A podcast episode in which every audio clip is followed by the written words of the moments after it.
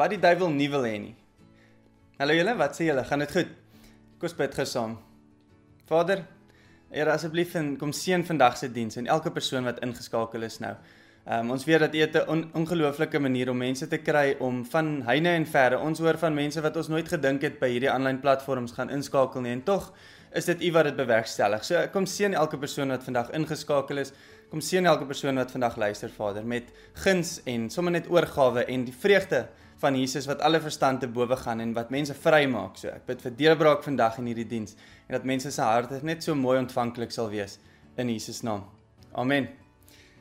So, baie baie welkom by vandag se diens en ehm um, ja, ons het verlede Sondag vir mekaar gesê by die kerk dat wanneer ons aanmeld om 'n boodskap te ontvang, dan moet ons fokus nooit wees soos ek hoop hy gee vandag vir my 'n goeie boodskap of so nie, maar eerder is belangrik dat jy 'n verwagting skep soos en wonder wat wil die Here vandag vir my persoonlik sê deur vandag se boodskap sodat die fokus nooit op die mens moet wees nie, maar altyd op die Here moet wees. Dan is dit die beste plek waar jy jou hart en jou ingesteldheid kan kan sit. So, voor ons begin. Kom ons kyk sommer gou net vir die lekkerte deur so twee of drie interessante feite van die Bybel. Dit was altyd nice om ietsie nuut te leer of hoe dan nou. So nommer 1. Maher Shalal Hashbash is die langste woord in die Bybel. Hy's hy's daar iewers in Jesaja 8 vers 3. Die woord Maher Shalal Hashbas beteken snel is die byt of die skade of vinnig is die plundering. Basies in vandag se terme, die mat kan vinnig onder jou voete uitgeruk word. Die profeet Jesaja is sy tweede seun, Maher Shalal Hashbas genoem en ek en my vroutjie verwag nou moontlik ook 'n seentjie so teen middel Augustus. En ons het reeds besluit dat sy naam nie Maher Shalal Hashbas gaan wees nie. OK, interessante feit nommer 2. Dit het meer as 1000 jaar geneem om die Ou Testament te voltooi. Nou intussen het dit so 50 tot 75 jaar geneem om die woord van God in die Nuwe Testament te voltooi. OK, en dan laastens, ek weet nie of jy weet nie, maar die eerste Bybels het nie soos verse en opskrifte en goed gehad nie. Die eerste Bybels is dan ook eintlik moeilik om te memoriseer want dit is nie in verse georganiseer nie. So die Geneva Bybel was die eerste Bybel wat genommerde verse gehad het. En let op, daarom is dit so super krities belangrik om in vandag se tyd altyd bietjie te gaan kyk wat staan voor en wat staan na die gewilde verse wat ek en jy ken. Want soms kan die hedendaagse soos paragrawe en opskrifte regtig eintlik bietjie in die pad staan van 'n skrif se soos ware kruks en sy ware betekenis. So die goue reël bly eintlik maar net om altyd so bietjie voor en die skrif van jou keuse en altyd so bietjie na dit ook te gaan loer wat daar aangaan en eintlik dan na hele prentjie saam te sit. OK, vandag se boodskap. Wat die duiwel nie wil hê nie. So ons kan dink oor die feit dat God ons roep om te groei en om meer soos Jesus te word, om te doen hier op aarde wat God bly maak en om die fokus op wat hy wil hê van ons af eerder te sit. Um sy hande en sy voete hier op aarde te wees. Maar vandag wil ek dit net so bietjie van die ander kant af benader as ek mag. Um ag weet jy dalk help dit sommer net om bietjie te besef ons moenie altyd net probeer soos uithou teen die vyand en ons moenie ingee nie en die vyand en sy versoekings o ek hoop net nie dit oorrompel my vandag nie. Nee. Partykeer moet ons letterlik teen hom beklei. Jy weet, soos op die aanval wees in plaas van heeltyd net op die verdediging wees.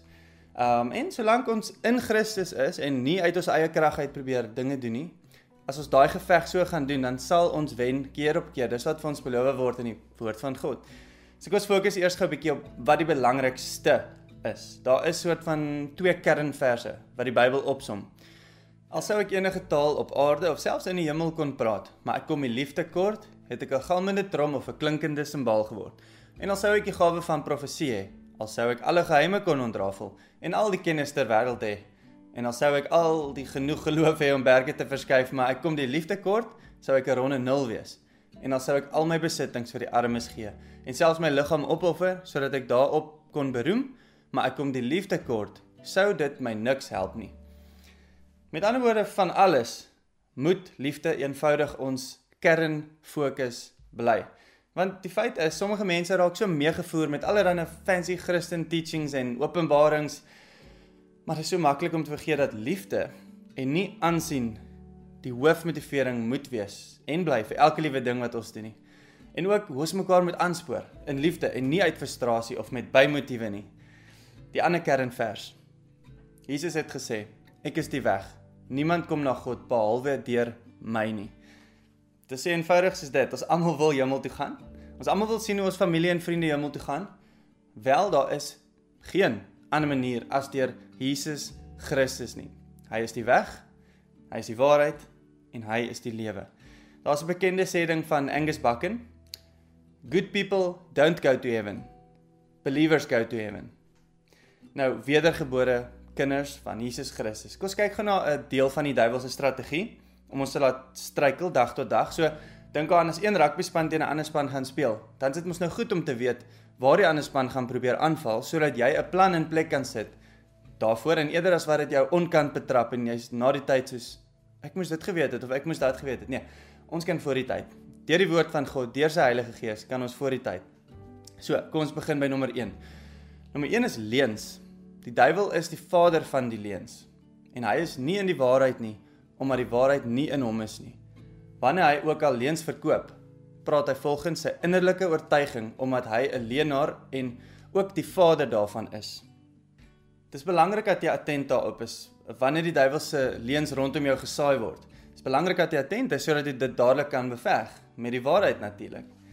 Kyk, die duiwel sal vir jou leuns oor jouself vertel dat jy eintlik nie goed genoeg is nie of dat jy nie geluk verdien nie.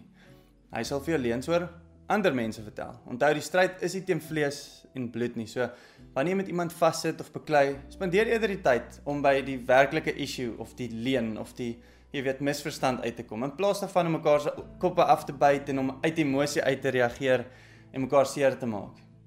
Hy sal vir jou leuns oor die lewe vertel oor wat werklik belangrik is en oor wat nie so belangrik is nie. Hy sal daai twee heeltemal omruil.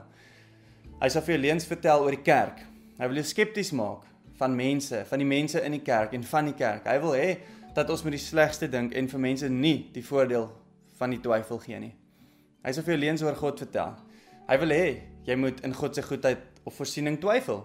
Dat dat jy later bepunt moet kom en sê ja, maar as God so goed is, hoekom is daar dan nou al die sleg in die wêreld? En dat dit jou basies oorneem, dat jy niks anders te kan dink nie en dat jy eintlik die goedheid van God kan mis. So nog 'n paar algemene leuns sal ietsie soos dit klink. Ja, maar almal doen dit of jy gaan mos nie uitgevang word nie, dis oukei. Okay. Of jy mis al die lekkerte in die lewe as jy Christen in oorgawe word. Jy weet as jy nou regtig 100% oorgee. Niemand is werklik lief vir jou nie. Die lewe is net dalk nie die moeite werd om te leef nie. Jy is waardeloos. Die gras is groener aan die ander kant van die heining. 'n Algemene stuk twyfel wat die duiwel in jou kop wil sit sodat jy nie gelukkig sal of kan wees daar waar jy nou is nie. Maar so gaan die lysie aan. En nou kom ons by 'n ding met die naam middelmatigheid. So as jy die duiwel was, wat dink jy sou jou ergste nagmerrie wees? Kom ek vertel jou. 'n Passievolle, geesvervulde Christen wat hulle gesag en hulle autoriteit in God geken het. So natuurlik is die duiwel uitdaap om mense lou en middelmatig te hou. Jy weet wat sê die woord oor eerder koud of warm wees? Enigiets behalwe lou warm. Dis die heel heel gevaarlikste plek vir 'n Christen om te wees. So wat die duiwel nie wil hê nie, is dat jy God se beloftes oor jou lewe onthou, aanvaar en daaraan vasklou en dit uitleef.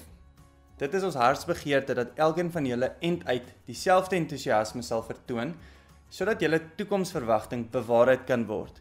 Dan sal julle nie traag raak nie. Inteendeel, julle sal die voorbeeld volg van hulle wat deur hulle geloof en uithou vermoë besig is om te verkry wat God beloof het. My vriend, ek wil vir julle sê, hou uit, end uit bly op die pad en om in jou roeping te beweeg. Moenie ophou nie, moenie moeg raak nie. Wat wil die duiwel van my en jou hê?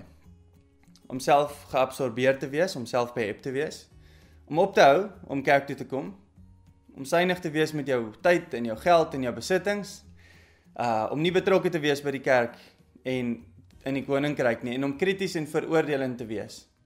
Om oop vir misleiding te wees, nommer 6.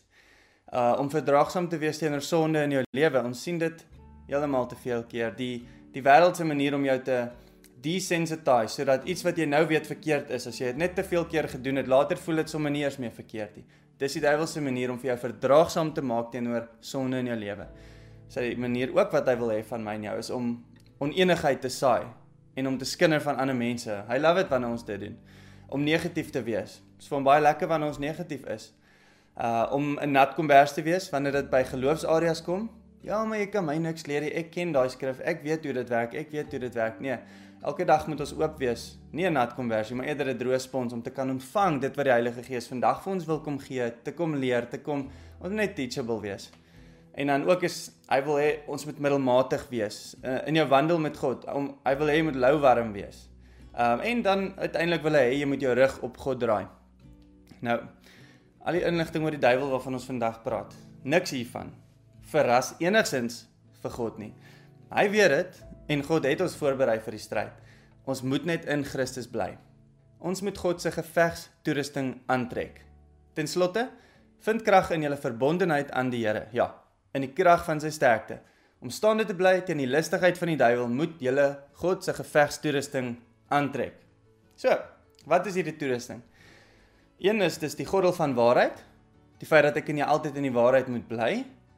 Nommer 2 is dis die borsharnas van geregtigheid. Ons moet geregtig wees, the breastplate of righteousness. Nommer 3, die skoene van bereidheid om altyd bereid te wees om die goeie nuus van Jesus met die wêreld te gaan deel. Dis waarvoor ons geroep is. Nommer 4 is die skild van geloof, the shield of faith. Nou daai ding, hy blok al die brandpyle wat die vyand op ons probeer afskiet. So geloof is en bly net altyd absoluut krities. En dan nommer 5, die helm van verlossing.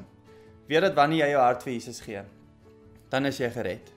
Wanneer jy oorgee aan hom, jy is dan gered. So moenie laat die vyand se leuns um jou kop kom skade kan aandoen nie. Verstaan? Uh nommer 6 en dan nou laastens maar definitief nie die minste nie. Um inteendeel is die swaard van die gees. En dit is God se woord. Dis nie sommer net nog 'n boek nie. Dit is wat dit sê dit is. Dis God se woord, die woorde van die enigste persoon in hierdie hele wye wêreld wat alles weet. Dit is so belangrik om in Christus te wees, in die gees en nie in die vlees nie. Dit sit jou geloof uh die krag wat jy nodig het om te oorwin in die persoon Jesus Christus. Hy wat jou sterk sal maak vir elke geveg. Al die oorwinnings oor die duiwel en sy skems. Dit gaan slegs kom deur verhouding met Jesus Christus. So ja, eenvoudig om in Christus te wees, dan kry ons die gesag wat ons nodig het dat wanneer ons die duiwel en sy planne bestraf, dan moet hy eenvoudig pad gee en vlug. Want God se autoriteit heers absoluut bo alles en wanneer ons in hom is, dan doen ons in outomaties ook. Nou is Christus hoog verhewe bo elke owerheid en gesag en krag en heerskappy. Ja, elke noemenswaardige instansie, nie net in hierdie wêreld nie, maar ook in die wêreld wat kom. Toe God Christus uit die dood opgewek het en hom in die hemel aan sy regterhand laat sit het, God het alle dinge onder sy beheer gestel en hom ook as die hoof van alles aan die kerk gegee. Die kerk is sy liggaam, die volheid van hom wat alles in elke opsig met sy teenwoordigheid vul. Mag julle insien hoe enorm groot die krag is wat God gebruik vir ons wat glo. Dieselfde magtigste sterkte was ook aan die werk. So daai enorme groot krag wat God vir ons gee wat glo kan berge versit. Nie sommer net berge daar gaan versit nie, nee, ook in jou lewe kan dit berge versit. Die krag wat God gee wanneer ek en jy glo. So ek sluit af. Julle dit is 'n absolute absolute voorreg om kinders van God te wees. Nou ek wil jou aanraai. Wees daarop uit in jou lewe om die duiwel nie te laat wen oor jou lewe nie. Ek wil amper sê wanneer goed gebeur en jy kom agter hy's besig om te wen, stop net daar. Haal net asem. En soos jy inasem, besef net jy kan krag van God verkry vir jou lewe. Jy kan die Heilige Gees innooi om jou te help wen daar waar jy nou is. En dan ewe skielik sien jy nie die probleem hier voor jou of die mens of die die ding wat jy nie dink gaan oorwin kan word as so groot nie, maar dit is net 'n geestelike oorlog wat ek moet wen deur God se gees in my. Nou, God het sy krag beskikbaar gestel sodat ek en jy kan wen. En as ek en jy opgeslip het, belangrik. As ons opgeslip het, weggeval het, verkeerde goed gedoen het of as jy verkeerde goed in jou lewe lewe nou tans het of entertain of wat dit ook al is wat die duiwel nou like van wat aangaan in jou lewe, dan is dit nou die tyd om dit vir God te gee. Letterlik nou, die tyd om dit vir God te gee. Laat gaan dit. Los dit by die voete van Jesus en maak nou, soos in presies nou reg met God. Dit is die kans, dis jou kans. So gryp dit vandag aan. Moenie laat hierdie gevoel verbygaan as jy nou op hierdie plek is en jy weet daar's goed wat jy moet laat gaan, daar's mense wat jy moet vergewe, daar's goed wat jy in jou lewe moet uitsny of daar's goed wat jy moet gaan bely aan mense sodat hulle jou kan help met die proses. Dan doen dit net nou. Daar's nooit 'n beter tyd as nou nie. En dan laastens, wanneer dit kom by jou journey saam met God en wanneer dit voel dinge wil nie uitwerk nie, onthou net gou die volgende stelling. Many times it's not God's rejection. Rather, it is God's redirection for your life. Net hy weet wat die beste vir ons is. Jy is veilig. Jy is geliefd. Totsiens.